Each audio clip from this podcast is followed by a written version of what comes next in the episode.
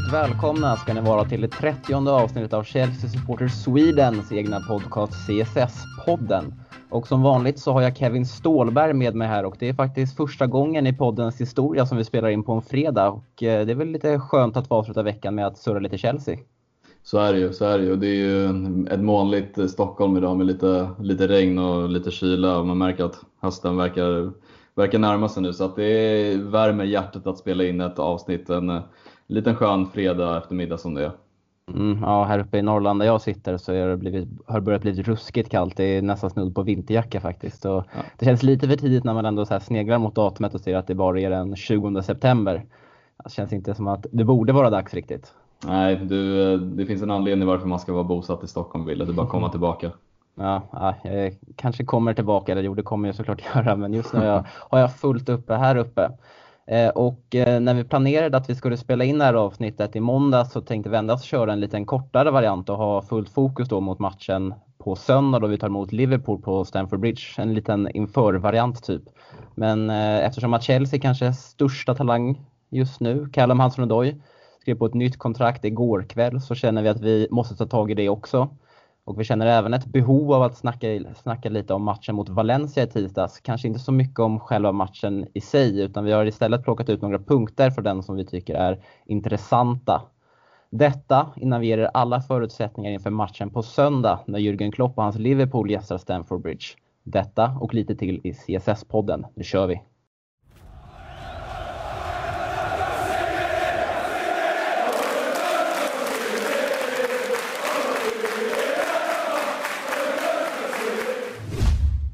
Ja Kevin, och då var vi igång. Och eh, jag tänkte lite här att passera 30 avsnitt, det är ju lite utav en milstolpe faktiskt. Det är ju ett bevis på att vi håller igång. Verkligen, verkligen. Vi har ju varit sjukt intensiva sen vi, sen vi du och jag körde lite tillsammans och med, med gäster och inslag och så. Så det känns ju kul att passera 30. Förhoppningsvis så är det några år kvar till mig innan jag fyller 30 i alla fall. Men eh, skönt att passera den milstolpen i podden i alla fall.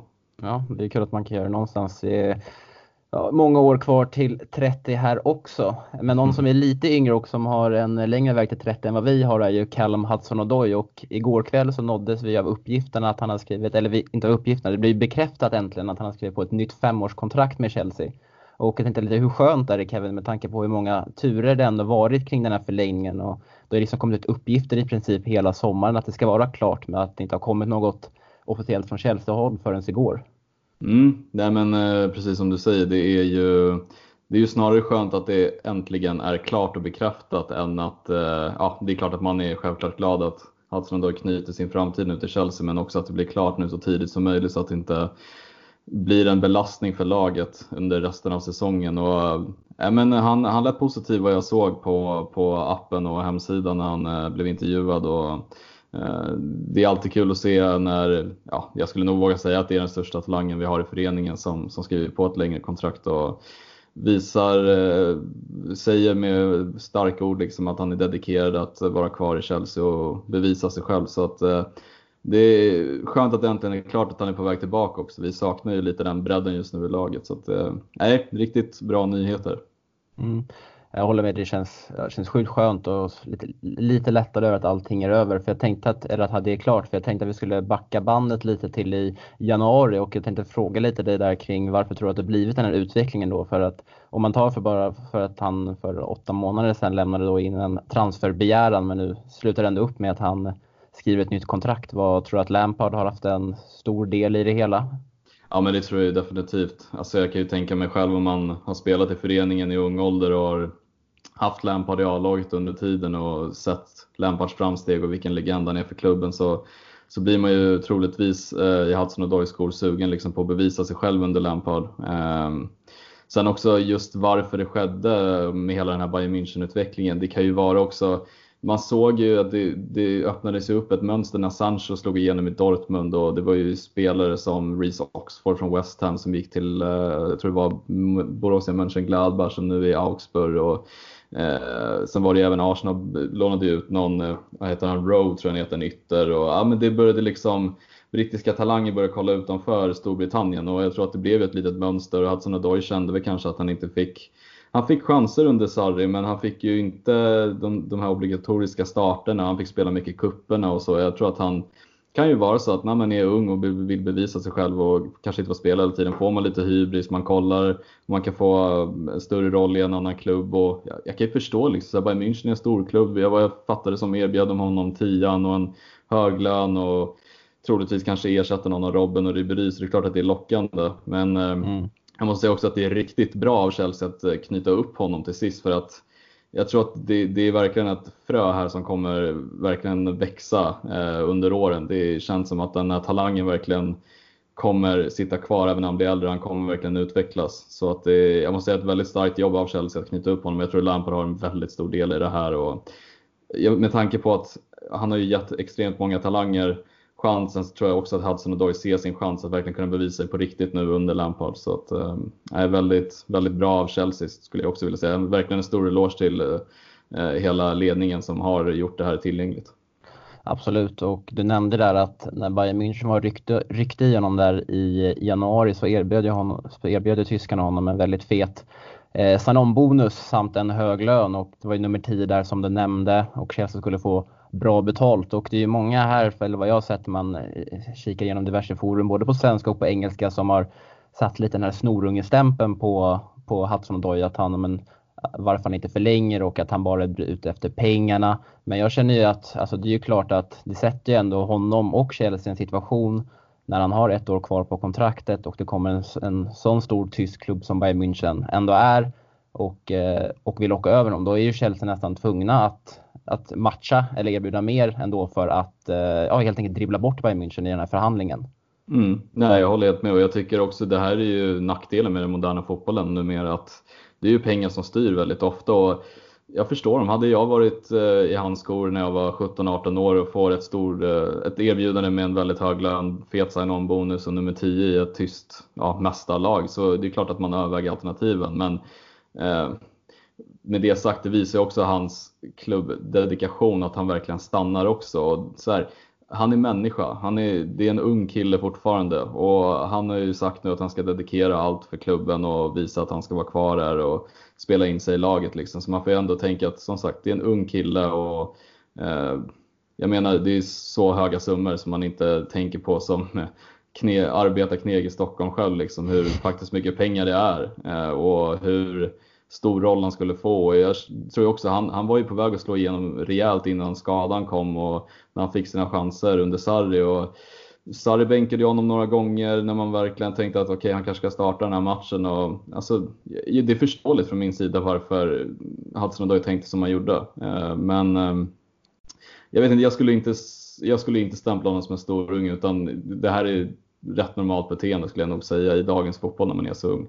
Mm, det rapporteras om att det är en lön där på ja, någonting mellan 120 000 pund till 180 000 pund i veckan och det tar honom ju, honom ju då till en av klubbens bäst betalda spelare. Det är bara N'Golo Kanté som ligger en bit, en, en bit över och han har samma lön där ungefär som de som Marcos Alonso, Ruben Loftus-Cheek och Cesar Azpilicueta. Och när man tänker på det ändå på så sätt, eh, om man tar bort hans ålder och, och ändå tänk på vilken ändå stor framtid han har i Chelsea så är, det, så är det helt rätt att han ska ha en sån lön när de spelarna jag just rabblade upp sitter på samma.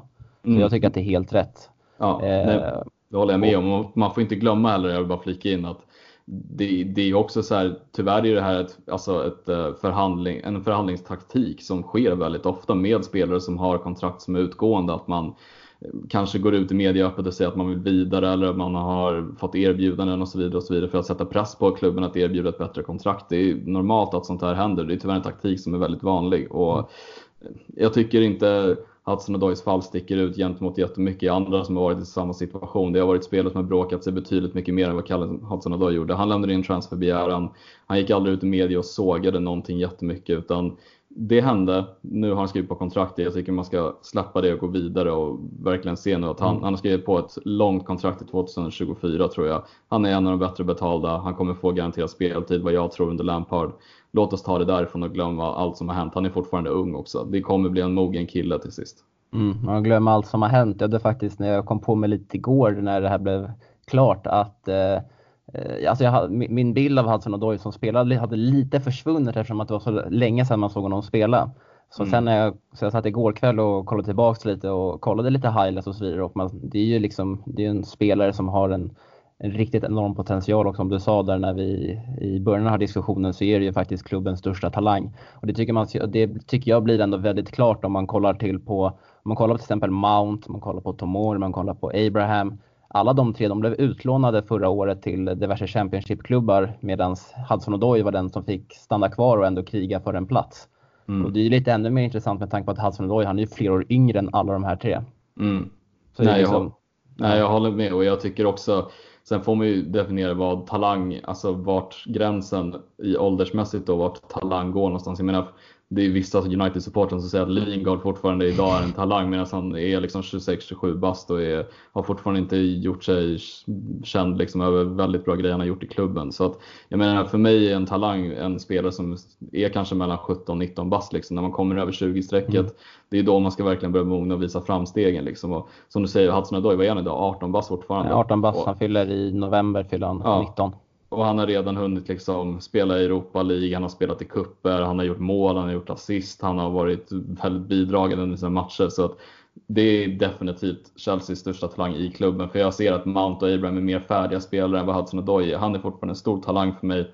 Kan bli en av de bättre i, i klubben, i truppen som finns idag. Så att, äh, ja nej, det är sköna nyheter och jag, som sagt, det har hänt det som hände med Hudson Odoi tidigare med Bayern München. Men jag tycker, det är klart man får tycka som man vill, men jag, jag är inte så långsynt att jag skulle sitta och ha någon förändrad bild över Hudson Odoi för det som hänt. Det här är ett väldigt vanligt sätt som hanteras av, det är också så man får inte glömma heller, det är agenter som spelar in mycket i det här liksom, som sätter press på klubbar och så också. Så att, mm.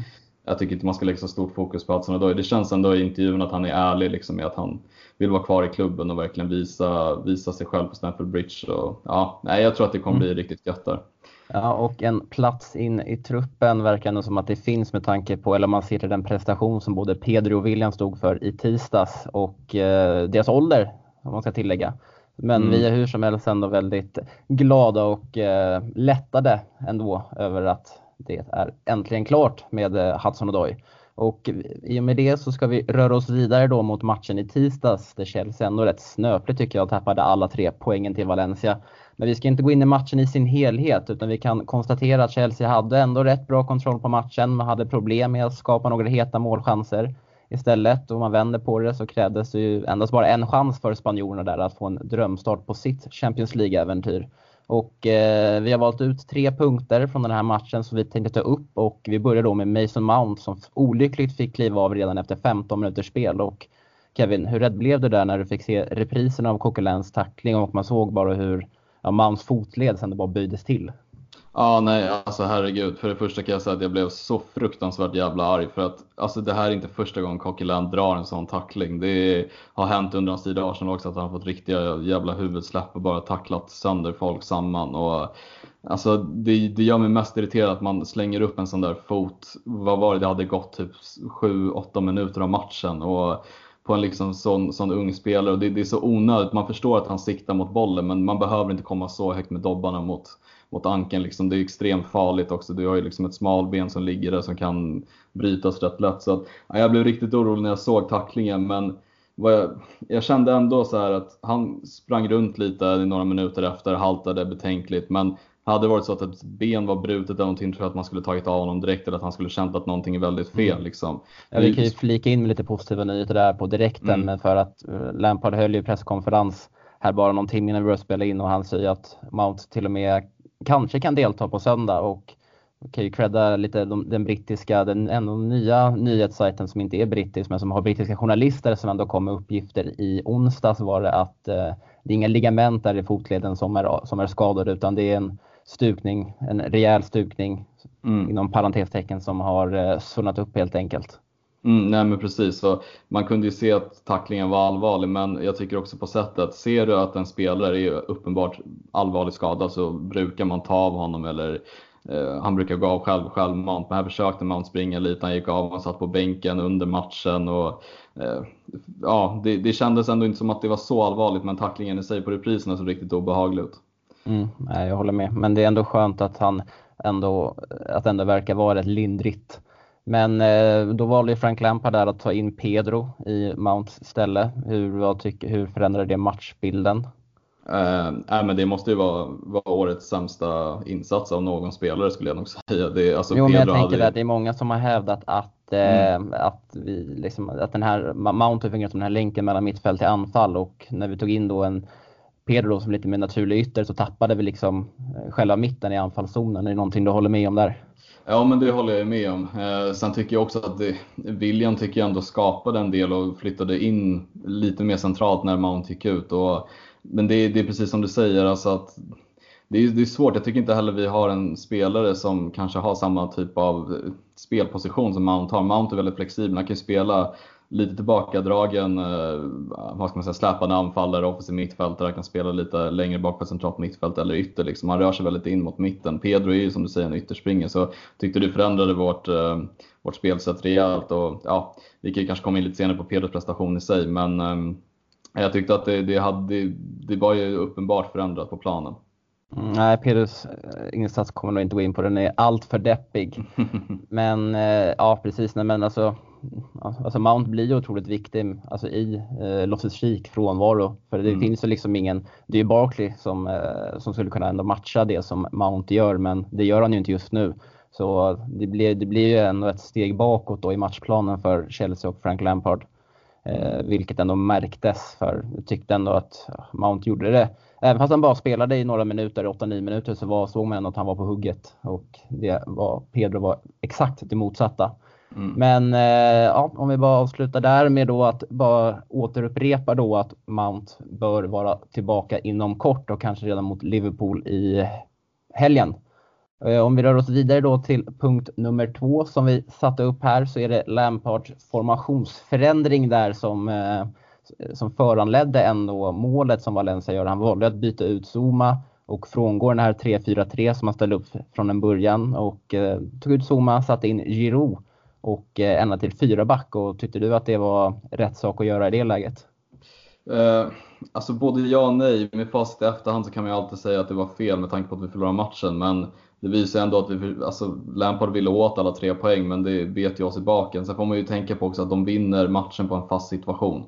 Jag tycker inte mm. de vinner matchen på att det är formationsförändringen. Eh, sen tycker jag att det om man ska syfta på bytet i sig, tycker jag att det är fel anfallare som ska in. Jag tyckte Mitchi skulle hoppa in från första början. Jag tycker han har visat framfötterna mer under de inhopp han har fått än Giroud. Eh, sen skulle jag nog inte säga, alltså jag skulle nog inte skylla bytet på målet för återigen, det är, det är en frispark. Det är, vilket lag som helst kan vinna på en frispark eller en straff. Mm, ja, jag, jag, det, det jag lade märke till med bytet med Giroud där är att positionen han tog på planen tycker jag var extremt märklig. För mm. att jag hade förväntat mig att ja, då skulle vi köra med två anfallare där fram, vi ska få in ett mål. Men Giroud fungerar, han var ju liksom i nästan en Mason Mount-roll där. I alla mm. fall i, i början av sin inhopp där de första 10-15 minuterna. Alltså han, han låg ju liksom som en släpande anfallare bakom Abraham och eh, på varsin, på var, innanför då både William och Pedro och jag har aldrig sett honom i den positionen och han fick ju verkligen inte ut någonting. Nej men exakt och jag, jag vet inte riktigt vad tanken var. Kanske tanken var att Giroud skulle väl försöka vara en target som li ligger lite längre ner medan Abraham skulle vara den som skulle ligga och lura vid offside-linjen och hinna bakom motståndarens backlinje. Men det fungerade ju inte till 100% om man säger så. Jag håller med dig, Giroud var väldigt blek när han hoppade in och man kan förstå det med tanke på den positionen han fick. Men det är ju också ett jag tycker också det är en summa av att vi, vi har inte supermycket bredd just nu i truppen heller. Vi, Mount är vi väldigt beroende av med tanke på att han är en bra länkspelare som länkar ihop spelet väldigt mycket. Han ligger i den här nummer 10-rollen och distribuerar boll. Även fast han startar på en kant går han alltid inåt. Så vi märker att vi har blivit väldigt beroende av Mount. Mount är en väldigt central del i Lampards spelsätt. Mm. Han är väldigt viktig. Um, så jag tycker, ja, med fast i efterhand, det är klart att man kan, skulle kunna gjort det på ett annorlunda sätt. Men det här var det Lampard tänkte och det blev som det blev. Och jag vill bara poängtera, det var fortfarande via en frispark liksom. Så att det de vann inte på, på spelet Valencia hade på planen, fast de var, liksom, de, de, de var farliga. Men det, ja, det, det avgjordes vid en fast situation. Mm, jag vet inte vad jag tycker om egentligen det här äh, ändå. Alltså Lampard har ju sagt här att han, att han vill att Chelsea ska vara väldigt anpassningsbar och kunna spela massa olika formationer. Men äh, jag tycker ändå att vi hade väldigt bra kontroll på matchen med den formationen vi hade mm. och det kan ju bero på Valencias svaghet. Eller om att eh, ja, Chelsea ändå gjorde det bra men de var verkligen oeffektiva framför mål och beslutsfattandet framför mål. Mm. Men sen liksom kom in och, och mixtra sådär ändå med, ja, med Giroud i en position som vi aldrig har sett han tidigare. Och eh, inte få utdelning av det. Alltså det, det var vi inne på för två avsnitt, två avsnitt sedan också. Att det, Lampards matchcoachning, alltså den, den, alltså den, den har ju verkligen inte imponerat inledningsvis och det är verkligen någonting som han ja, måste arbeta med för att få bättre utdelning på sina byten. Enligt mm. mig i alla fall. Jag hade jättegärna sett att vi ändå istället, alltså visst, vi kanske hade kunnat gå ner på en fyrbackslinje. Han, han kände väl kanske att vi hade ett övertag på Valencia. Eh, och som du säger, och eh, det är klart att målet kommer från en fast situation. Det är inte direkt på grund av formationsförändringen, men ändå att gnugga på med, eh, med, det, med, det, ändå, med det ändå vi skapade. För att vi var ju inte i ett desperat läge. Det var Nej. vi inte. Och då Nej. Kanske det är lite fel att mixtra lite, lite för mycket. Mm. Känner jag bara. Mm. Nej, men jag håller med och det är därför jag också hade velat se Pulisic istället skulle jag nog säga också för att du hade fått lite mer djupledshot än vad Pedro bidrog med och då hade du kanske stanna, kunnat stanna kvar vid en 3-4-3 fortfarande med Abraham, Pedro och William där framme. Ehm, mm. Så att, eh, ja, alltså, ja, ja, det är lite svårt med, med hans matchcoachning. Man måste också ha respekt för att han, han är också i, i det stadiet att han behöver lära känna alla spelare också. Det är klart att han känner till Mount, Tomori och alla sina gubbar han hade i Derby, men det är, även för Lampard är det många spelare han ska lära sig hur de funkar, vad som funkar bäst. Han, han försöker med formationer och anpassa och så vidare. Så att jag tror att det kan ta lite tid innan allting är på plats. Liksom. Mm, jo, men, jo men så är det och eh, det kommer ta sin lilla tid. Eh, om vi rör oss vidare då till den sista punkten som vi har på den här listan så är det då såklart straffsituationen som blev, fick ett väldigt efterspel Kevin. Mm, ja, nej, jag tycker också först och främst tycker jag att det är en så förstorad sak. Allting. Det är, vad vi har fått uppgifter om så är det Barkley som ska vara första straffskytt. Lampard poängterar att det är han som är straffskytt. Barkley lägger straffen, missar och det är klart att William var het under matchen. Jag tyckte för övrigt att han var den offensivt bästa spelaren under matchen. Man förstår att han blir lite, lite sur och liksom ifrågasätter. Jorginho går fram, eh, klappar om Barkley och säger ta den liksom så här, hoppas det går bra, lycka till liksom. Eh, och Barkley lägger den i ribban och den går över. That's it. Det är det som händer. Han missar en straff. Jag tycker inte det är en sån förstorad grej. Eh, och jag tycker det är, liksom, det är som att Barkley har fått mycket skit på grund av det här. Man kan gnälla på Barkleys form och hur han presterat när han har fått hoppa in. Men en straff kan vem som helst missa. Det är Eden Hazard missade sin straff mot Crystal Palace när vi avgjorde ligan men satte dit returen. Eh, och liksom, man, man får ha i åtanke att det, det är straffar, det är frisparkar. Det, det händer ibland att man missar. Ja, precis. Det, det, jag känner också, jag är mer i det du säger, jag tycker inte man kan inte lasta Barkley allt för mycket. Det, alltså det, det är klart man gör det i stundens hetta. Det är klart mm. att då är det Barkley som får ta skiten. Men eh, när man sätter sig ner sen och tänker igenom det här så, så är det inte han som ska ha. Så, alltså, då är det, det är som du säger, det är en straff, han missar, eh, eh, gå vidare liksom. Mm. Men det man kan ifrågasätta som, som ändå jag reagerar på när man fick ändå höra vad både han och andra, andra spelare i laget inklusive, eller inklusive då, och även tränaren Frank Lampard, de säger efter matchen att det är Barkley som är straffskytt och alla vet om det. Då är det liksom ändå två saker som jag ändå reagerar på. Det första är, är främst att varför har vi en straffskytt som inte ens är ordinarie i vårt lag? Mm. Det har vi, han kanske var tanken det till, en bör, till början av säsongen, men han har inte presterat och därav har han suttit på bänken. Eh, det tycker jag är väldigt konstigt att man, att för inbytta spelare ska inte ta straffar även om de är ordinarie. De är inte, alltså, de är inte inne i det här själva Alltså de, är inte, alltså de, är inte, de är inte lika heta som till, en, till exempel en William eller Jorginho är. Och det, mm. men, även, men även det så försvarar ju inte det ändå vad framförallt William håller på med, med under straffsituationen. För att alltså, alltså det sprider ju sån extremt dålig eh, ja, men stämning i, alltså, eller till, till Barkley där när han står kvar där och surar, han så vi, knyter dojorna liksom och mm. tar lite extra tid på sig och går därifrån medan Barkley bara försöker fokusera på den här straffen. Mm. Ja. Nej, och, och, det är det jag varit inne på tidigare. Dels det här om viljan och hans kroppsspråk. Jag tycker att det, det förvånar mig inte att han gör så här, för det är så här jag ser honom i, i hans sätt att bete sig på planen många gånger. Att det är slut med armen. Han hade någon fantastisk rush när han ruschade förbi tre personer, passar den mot Aspilicueta alldeles för långt fram. Det är inte Aspilicuetas fel. Han är på väg fram, han får bollen för långt framför sig. William slut med armarna och liksom visar som vanligt ett ganska nedåtgående eller negativt kroppsspråk. Är, mm. Jag blir inte förvånad över att William gör det. Jag, jag börjar bli mer och mer irriterad och störa mig på det. Och det är också en, en punkt nummer två som jag belyst tidigare också. Vi behöver en riktig ledare i laget. Alltså mm. det, I en sån här situation behövs det verkligen. Där hade det varit en Terry på planen, hade det varit en Lampard på planen eller en Drogba på planen, då hade de gått fram och sagt grabbar, den här personen tar straffen, backa. Ja, Men det händer, det händer, inte. Det händer inte. Inte Aspelekueta lägger inte märke till det här, utan han, han är en bra kapten som vi har sagt jättemånga gånger kanske i omklädningsrummet. Men vi har ingen ledare på planen. Det är för mig det största tappet i liksom den här säsongens början som jag tycker det syns så sjukt tydligt match efter match. Att det är ingen som tar tag i taktpinnen när det går emot oss, när det blåser lite. Och det här, det är en symboliserande situation, den här straffsituationen. Att det inte är någon som, okej okay guys, vi bryter upp den här situationen, Barkley tar straffen, backa, låt honom fokusera. Nu står William och gnäller, Jorginho går fram, klappar honom. Alltså det, det, är klart att då sätter det press på honom. Man får vänta tre gånger så mycket längre och domaren står också och väntar och bara shit vad håller ni på med? Det, det är, jag, inte, jag tycker det är så sjukt tydligt att det saknas verkligen en ledare på planen.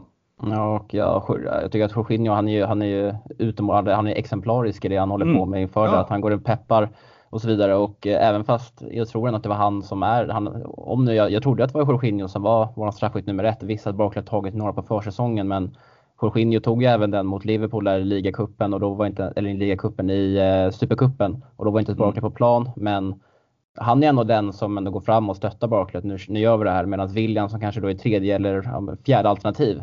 Mm. Han ändå står kvar och gnäller. Det är liksom, ja, det är väldigt egoistiskt tänk, ja, men, tänk ja, men honom, eller ager, hela agerandet liksom. Och det, och det fördömer vi här i CSS-podden. Ja, exakt. Och jag vill bara flika in med det absolut sista. Allt i min kropp skrek verkligen nej, Barkley ska ta straffen. Jag skrev det här i CSS-podden, matchtråden också, att så här, jag vill inte att Barkley lägger den. Det här skrev jag en halv minut innan straffen skulle läggas. Men jag har respekt för att Barkley lägger straffen, för att det är Lampard som har sagt att han är första skytt. Men det tycker jag inte William respekterar överhuvudtaget. Jag tycker inte laget respekterar överhuvudtaget för att det blir en så konstig stämning. Jag, bara, jag blir verkligen så sjukt irriterad över den här situationen just för att jag tycker det är verkligen så tydligt att det saknas en ledare. Och det, det, det gör ont att se det på plan. Vi har haft så många starka karaktärer i laget tidigare och det, det behövs. Man behöver sådana här karaktärsspelare. Mm. Och eh, med det sagt så får vi avsluta den här diskussionen och konstatera då att det, det blev inget eh, Ja, Chelsea flög direkt inte i inledningen av Champions League-säsongen och eh, det är en ny match på söndag mot Liverpool. Du vet väl om att du kan bli medlem i CSS? Via vår sida på Svenska fans kan du läsa om hur du blir det och vilka förmåner det ger. Så gör som 800 andra och bli medlem du också.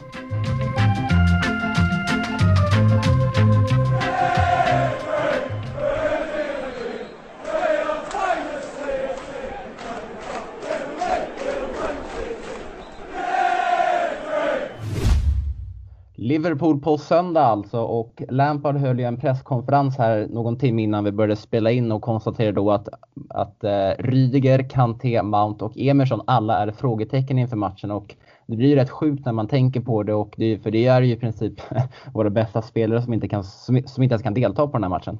Mm, ja, nej det är, det är frustrerande hur skadeläget ser ut och det går ju emot oss match efter match. Och när man väl tror att Rydiger är tillbaka så kliver han av skadad. När Kanté spelar mot Liverpool i Supercupen kliver han av skadad. Kommer tillbaka, kliver av skadad. det är verkligen ett steg fram och två steg bak just nu med skadeläget. Och eh, det, det, det är som det är. Det, det är mycket skador. Det kan ju vara också att det, det, är en, det är en summa av att det är hårt matchande och Lampard kanske har kört, kört slut på dem lite i början. Så att vi, vi får anpassa oss. Vi får fortfarande se det positiva. Att vi har spelare som fortfarande har chansen att bevisa sig själv. Typ som Pulisic nu som inte har fått så mycket speltid till exempel. Mm. Men om vi går igenom läget då för varje enskild spelare så kan vi konstatera att Ryger som avgick då i, inför andra halvlek mot Wolves förra söndagen, han var inte ens med och tränade igår. Och det är ju väldigt olyckligt med tanke på, eh, ja, men som du nämnde, att han precis hade kommit tillbaka och han verkligen behövs där för att eh, ja, för att eh, få igång vårt helt riktigt alltså svaga försvarsspel. Vi släpper in för mycket mål. Mm. Ja, nej, jag håller med. Och det, ja, nej, det, det är så här, man trodde när det blev 3-4-3 eller 3-5-2 eller vad man nu spelat skulle det bli mer stabilare, men vi släpper ändå in mål så att det, det är klart Rydiger är extremt saknad. Mm. Jag, bara hans 45 minuter mot eh, eh, Wolves borta såg jätte, jättebra ut. Men eh, mm. nej, det är tråkigt. Vi kan ju bara också flika in där att eh, Lampard uteslöt han inte helt från att vara med mot Liverpool på söndag men eh, han tror inte att det är tänkbart med tanke på att han inte ens har börjat träna, tränat ens sen sin skada. Men eh, någon som har börjat träna är eh, våran ytterback Emerson Och där la Frank Lampard också lite frågetecken med tanke på att han inte har spelat då sedan han ådrog sig den här skadan då i, Nations League med, eller i EM-kvalet då med eh, Eh, Italien här för några veckor sedan. Och hur eh, det känns som att om han kommer tillbaka så kommer vi då gå tillbaka på en liten annan, en liten annan form, en formation vad vi har spelat tidigare. Vi ska inte gå in på formationerna riktigt än, men eh, eh ja, vad tror du om Emerson där? Hur viktig, hur, hur viktig är han att han deltar här på, på söndag? Um, Ja, men det är klart. Emerson, jag tycker han ska gå före Alonso alla dagar i veckan. Sen med det facit i hand, jag tycker inte Alonso har varit, han har inte varit den sämsta spelaren under de här matcherna. Men jag hade ju föredragit att starta med Emerson framför Alonso oavsett. Jag tycker inte att han under de här två matcherna fortfarande ska gå före Emerson i, i min bok i alla fall. Så att eh, han får mer än gärna komma tillbaka. Mm. Eh, jag håller med. Det känns som att alltså, det har varit en otrolig frisk fläkt där på vänster, vänsterkanten och eh, har verkligen bidragit då i, offensiva, i det offensiva spelet men även tycker jag han har haft väldigt bra täckning på det defensiva. Mm. Det klandrade bra så han håller jag också, det vore en, en väldigt boost att få tillbaka honom eh, på, på söndag. Och vi såg också vilken bra insats han gjorde när vi mötte Liverpool bara för någon månad sedan i, eh, i Supercupen där i Istanbul. Mm. Så det vore tämligen glädjande om han kunde vara med. Så summeringen var att han tränade, men frågetecken kring ifall han är matchfit för att kunna delta. Eh, Mason Mount som vi konstaterade drog på sig en skada här mot eh, Valencia i tisdags.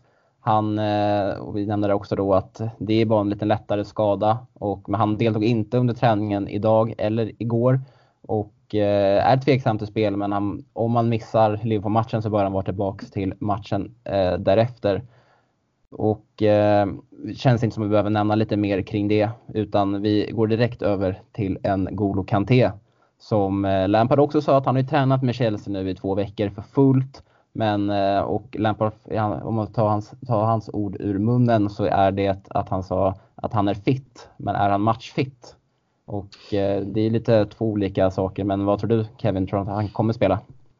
Jag tror att om det är någon match man ska spela en N'Golo Kanté som inte är i matchform så är det mot Liverpool för att han har en tendens att möjligen benämnas som ur matchform men när han är ur matchform så är han fortfarande en otroligt bra spelare så att han, jag tror också just den här matchen mot Liverpool behövs han för jag ser inte, nu ska jag inte gå in på formation, men jag ser inte att vi spelar med två centrala mittfältare utan vi skulle behöva en tre med Kanté i mitten som får ja, briljera med det han brukar göra och bryta bollar och uppspel och så. så att, det känns som att man har kanske vilat och preppat honom för den här matchen skulle jag gissa på. Så att eh, det känns som av de skadade spelarna så tror jag mer på att N'Golo Kanté startar än de andra. Mm. Jo, alltså jag, jag är faktiskt, vi har haft väldigt mycket fel i den här podden när det kommer till att tippa startelvor och så vidare, men jag är, jag är övertygad om att Kanté kommer att spela. Jag tror att han var redo redan i, i tisdags mot Valencia, men bara det att Lampard ändå, som ändå sagt att, ja, att vi, vi måste skynda långsamt med Kanté. För att alltså, har han ändå tränat med laget i, i över en vecka inför Valencia-matchen så tycker jag att han ändå borde vara fit nog för att ställas mot Valencia ifall det hade behövts. Utan att han, eh, Lampard ändå försöker eh, mörka det här lite och inte vill säga då. Det är klart att det, det hade ju som, som vi sa också där kring de tidigare spelarna, det här varit en, en extrem boost att få in Kanté och eh, mest av dem alla som är, som är borta just nu. Och det skulle ju förändra matchbilden totalt och då är ju Lampard lite, lite dum ifall han skulle, ändå skulle avslöja då på presskonferensen att ja, men Kanté är fit, han är matchfit, han kommer spela. Utan mm. jag tror nu att nu är det dags och som vi nämnde tidigare så såg vi då att ja, han skadade sig mot Manchester United där i premiären men han kunde, men han kunde ändå sedan genomföra 120 minuter där mot eh, Liverpool i Supercupen. Så mm. att, äh, jag ser det, alltså det finns inte att han inte kommer vara med i matchtruppen eller i startelvan när elvan släpps där en timme före matchstart. Alltså det, det finns inte att han kommer spela. 100 procent, jag lovar. Okej, okay, du, du, det är starka ord att säga att du lovar i den här podden med tanke på hur kassa vi har varit på att tippa vilka som ska spela eller inte. Men, ja, men det är eh, dags nu. Ja, okej, okay, men vi får se. Vi får se på söndag. Det är dags. eh, utöver de Rydiger, Emerson, Mount och Kanté som är tveksamma till spel, som vi nämnde, så kan vi ändå konstatera att eh, Loftus-Cheek är ute då, lär vara tillbaka. Det kom lite positiva nyheter här i veckan, eller positiva och positiva. Att eh, han ska vara tillbaka inom fyra till sex veckor och om det är positiva vet jag inte för att det är ungefär det som man har hört hela tiden att det är där i slutet av oktober, mitten av november han ska vara tillbaka. Så att det känns ju då som att allt går enligt plan med honom. Eh, och sedan så kan vi även få se då en, kanske vi kan se en Callum Hudson-Odoi eller en Reece James på bänken men troligtvis inte från start. Eh, om vi ska gå vidare då till och eh, diskutera lite vilken formation vi kommer att ställa upp med då på söndag. Eh, vad tror du, han, hur tror du att eh, Lampard tänker här? Kommer han behålla sin trebackslinje eller tror du att han kommer gå över där till en, till en, med en, till en annan formation med två centrala försvarare? Vågar man verkligen tippa nu längre än 11?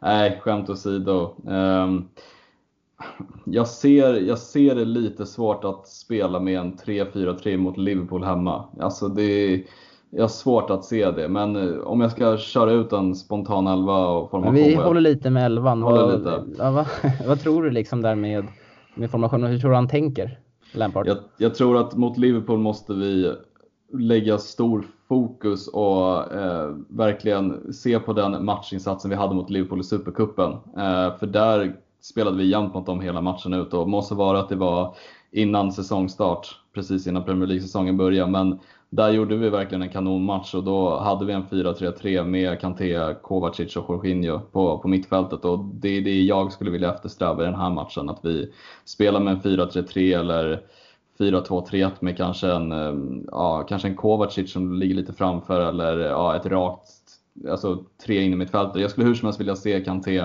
och Kovacic och Jorginho på, på planen tillsammans i alla fall. För jag ser inte att vi ska matcha Liverpool med Kovacic och Jorginho som två ensamma centrala mittfältare mot eh, möjligen om det blir Wijnaldum, Henderson och Fabinho. Det, det kommer bli svårt i längden tror jag. Så att jag tror att han kommer gå över till en 4-3 eller 4-2-3 men jag tror inte han spelar vidare med trebackslinje mot Liverpool hemma. Nej, jag är helt med dig i samma linje där också. Jag tror att alltså, mittfältskampen i den här matchen, det är den som kommer, det är den som kommer att avgöra. Alltså, mm. de, de spelarna som du rabblar upp där, det är inte världens bollskickligaste mittfält, men det är ett riktigt tungt mittfält och då gäller att vi, att vi, vi behöver matcha dem. Matcha dem på det. Att, uh, inte låta dem styra och ställa där för mycket. Och då håller det inte om vi eh, jag känner att ett treman mittfält där är ett måste och inte låta dem spela och inte min, och min, minimera ytor där på mitten och inte låta Liverpool spela igenom oss på det sättet. Och det, fast å andra sidan känner jag också att vi fick inte se en Alexander Arnold heller i Supercupen, men det kommer vi säkerligen få göra på söndag och då får de ytterligare ett hot där på, ändå på kanten. Mm. Eh, och, och, då är, är ju ändå en eh, trebackslinje med två, med två wingbacks ett, eh, ett plus. För, mm. För om man kollar på ändå hur Liverpool spelar så är det liksom, det, det ändå varit alltså, mycket, de har utvecklat sitt spel rejält de senaste åren, men det är ändå, ändå vad som är den, liksom den röda tråden i deras spel som jag ser i alla fall, att det är kontringar och det är framförallt via Robertson och Alexander Arnold där på kanterna, deras ytterbackar. Mm. Och, sedan, och sedan tar de antingen med ett inlägg eller så ger de över bollen då till den här offensiva trion med, med, med Salah, Mané och Firmino. Och, så det känns ju även som att det är lika viktigt att stänga ner den här, båda kanterna som mm. mitten. Så det är lite, jag är lite tvådelad där också. Nej, men exakt. Jo men exakt och jag tycker man ska också lägga vikt från Chelseas håll att eventuellt kolla på matchen Napoli spelar mot Liverpool nu i Champions League. För Liverpool förlorade ju då 0-2 eller 2-0 borta mot Napoli och många snackade om att Liverpool gjorde en platt match men det man kunde se också Napoli var extremt duktiga defensivt mot dem. De gjorde dem mycket sämre än vad de brukar vara. De gjorde så att Alexander Arnold stod för massa felpass. Van Dijk passade ju helt fel så att de gjorde sitt 1-0 mål eller 2-0 mål. Jag tror att det var 2-0 av Llorente. Och Eh, I den matchen kunde man verkligen se att de stängde ner, men jag tror att Liverpool, precis som du säger, de gör ju mål på kontringar, sina snabba anfallare. Jag tror att om man låter dem få ha bollen och bygga via de mittfälterna så alltså, har vi en chans att sätta press på dem med en högre press mot eh, högerbacken eller vänsterbacken. För jag tror att eh, Liverpool i det laget som det är inte kanske ett City som bygger från grunden liksom med ja, massa kortpassningar och trianglar och så, utan Liverpool gillar att komma med fläkt och fart och kanske ibland en lite längre boll och inlägg från kanterna. Så att jag tror, vill man låta Liverpool vara bollförande och Chelsea ligga lite mer defensivt, sätta en lite högre press, så tycker jag att det är den taktiken man ska gå på i alla fall. För eh, Liverpool, alltså gör du ett fel mot Liverpool och ger dem några sekunder extra, det är då de hotar. Och det är då de kommer komma med Salah, Firmino och Mané och de tre där framme är, är livsfarliga. Speciellt Firmino som är ju ett geni till hela, hela deras mm. trio där uppe. Mané och Salah är egentligen två spetsspelare som har individuella prestationer. Jag menar, man är ju fruktansvärt snabb och teknisk, kan skjuta från vilket avstånd som helst och Salah nosar alltid upp alla målsituationer. Men det är oftast Firmino som lägger upp de två som är hjärnan, Så jag tänker om man kan på något sätt punkta Firmino och få bort honom i matchen, låta Liverpool föra matchen och sätta hög press på den så tror jag att vi kan ha en ganska bra chans. Speciellt om vi har en Kanté på planen som kan styra den pressen. För det är, det är få spelare i världen som är så duktiga att sätta press på ett mittfält som Kanté gör och vinna boll. Mm. Absolut, och om vi kollar på, eh, jag ställer den här, exakt den här frågan, vilken formation vi ska spela på våran Twitter och då tycker ni där att, eh, att eh, eller 108 personer har deltagit i den omröstningen och eh, 41 procent av er tycker att en 3-4-3 vore det mest optimala. Eh, och eh, med det, med det sagt så ja, det kanske är det bästa som du säger därför Alltså, nej men jag, alltså jag, jag vet faktiskt inte vad, vad jag tycker. Det enda jag vet det är att Frank Lampard har en väldigt svår uppgift framför sig där med mm. att med att stänga ner Liverpool. Men i slutändan så tror jag ändå att ett 4-3-3 med tanke på hur, hur bra det ändå såg ut mot dem tidigare under säsongen att, att han tar med sig det och mm. kommer försöka mönstra det här. Och sen, det beror ju också på, vi har ju, vi har ju konstaterat här att Kanté kommer vara fit och att han kommer spela. Men det mm. hänger lite också om han kommer göra det eller inte. Det är liksom, just nu är det bara önsketänkande för oss, eller våra, våra magkänslor. Men, mm. Eh, så är det ju och jag vill bara flika in att vågar du lova att Kanté spelar, då vågar jag nästan lova att spelar vi 3-4-3 så tror inte jag att vi vinner matchen eller spelar lika. Utan jag tror att det är optimalt att vi har tre mittfältare i den här matchen som ligger centralt med Kanté i mitten. Då tror jag att vi kan ha en chans att vinna mot Liverpool. För gör vi Liverpool obekväma med att föra matchen och vi sätter press och vi ligger lite mer defensivt, då tror jag att vi kan komma iväg med ett kryss eller göra mål på en fast situation eller en kontring. Mm. Om du fått ut en startelva då, hur blir det? Um, jag såg att, uh, vem var det nu på i poddgruppen? Ska vi se, Tommy Kristiansson hade skrivit att det kanske är dags att låta Willy stå en match. Och jag var faktiskt inne på det spåret innan också för att all, vi har avhandlat det i podden, Kepa har inte varit bra. Jag ser att Willy eventuellt skulle kunna stå i en sån här match och få Kepa att tänka till lite och verkligen så tagga till över hur dålig, han, dålig hans prestation i början av säsongen har faktiskt varit. Så att jag hade nog velat kanske skrälla och ta, ta Willy stå i den här matchen. Eh, sen om Lampard tar ut honom eller inte får vi se. Sen skulle jag vilja ha, ja det beror ju helt på om Emerson spelar eller inte, men nu tror jag inte att han gör det. Då blir det Alonso till vänster och så tror jag att han kommer gå på jag tror att han håller fast vid Tomori. Jag tror att Tomori och eh, Christensen kommer starta i mitten med eh, Aspilicueta till höger. Om Kanté är skadefri så ser jag Kanté, Jorginho och Kovacic på, på mittfältet med Jorginho i den lite mer defensiva rollen. Och om jag får förutspå framme så är det Abraham tror jag given centralt och ja, möjligen William. William visade bra form och han har rutin mot de här storlagen så att William på en kant och eh, jag hade velat se Pulisic i en sån här match och jag tror att han kommer få chansen om Mount inte är eh, tillgänglig för startelvan. Så att jag skulle säga att det blir William och Pulisic på varsin kant med Abraham där uppe. Mm, det tror alltså Wille Cabbe gör där i mål. Jag är, li, jag är, lite mer inne på att, eh, alltså med tanke på att, eh, ja, visst Kepa har ju har inlett säsongen svagt. Man gör ju inte bort sig tycker jag i alla fall i matchen mot Valencia utan det är ändå, alltså det, det, det är en svår boll att ta där. Och mm, jag tror ändå att eh, Ville kommer att få stå mot eh, Grimsby där som vi har i så, veckan, efter, veckan efter matchen mot Liverpool.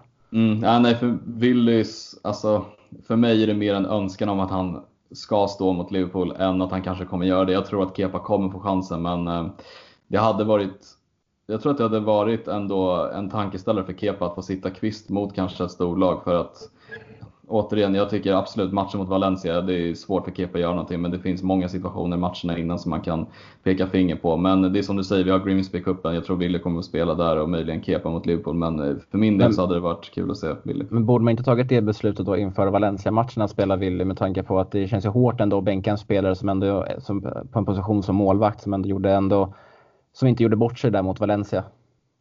Möjligen, möjligen, men uh ja, jag vet inte. Jag, jag håller fortfarande Kepa som vår nummer ett och som vår framtida målvakt kommande åren. Men eh, jag tycker ändå att alla spelare ska inte känna sig givna i startelvan och verkligen inte Kepa utan han ska känna att Willy eh, flåsar med nacken. Även om han är väldigt hög i åldern så tror jag inte att det ska vara ett, någon nackdel för honom utan han har också mycket rutin från de här matcherna. Får man ju tänka också. Så att, eh, jag hade inte sett att det vore fel för Wille starta men eh, med fastan, jag tror att Kepa kommer att stå ändå. Mm, ja, det är också, det tror jag också är rätt övertygad om att han kommer att göra det. Mm. Eh, om jag ska plocka ut en elva då så tror jag då på Kepa i mål. Och sen är det ju svårt där på vänsterbacken ifall Emerson spelar eller inte. Men man får ju säga, ändå, ändå säga Alonso. Jag tror också att Tomori kommer få förtroende bredvid Christensen om inte Rydiger är hel. Men om Rydiger är hel och kommer att spela så tror jag ändå att det kommer bli Rydiger Kristensen som kommer att bilda mittbackspar. Och sen eh, Aspelkueta ute till höger. Samma mittfält som dig där jag tror Kanté, Jorginho och Kovacic. För Kanté kommer att spela, det har vi konstaterat. Eh, och sen är jag helt, helt inne där framme också. Så det är, jag hoppas på William, Pulisic och sen Abraham centralt där. Och det ska bli väldigt intressant att se nu eh, Abraham mot ändå ett, eh, ändå ett väldigt mer defensivt starkare lag som då ändå Liverpool är och ett topplag. Och mm. eh, så vad, vad Frank Lampard sa på presskonferensen nu inför matchen så så, så, så, han stämde in där i hyllningskören till van Dijk att det är en av världens bästa mittbackar om inte den bästa. Det ska bli kul att se då hur Abraham tar sig an den rollen att spela mot honom.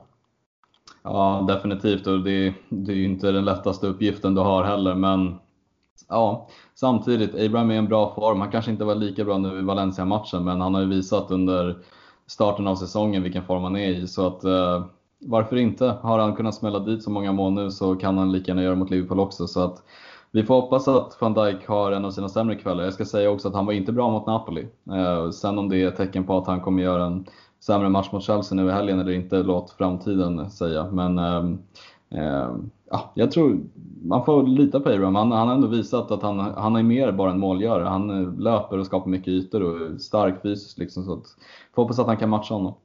Mm, eh, jag håller med och det hoppas jag att han kommer göra också.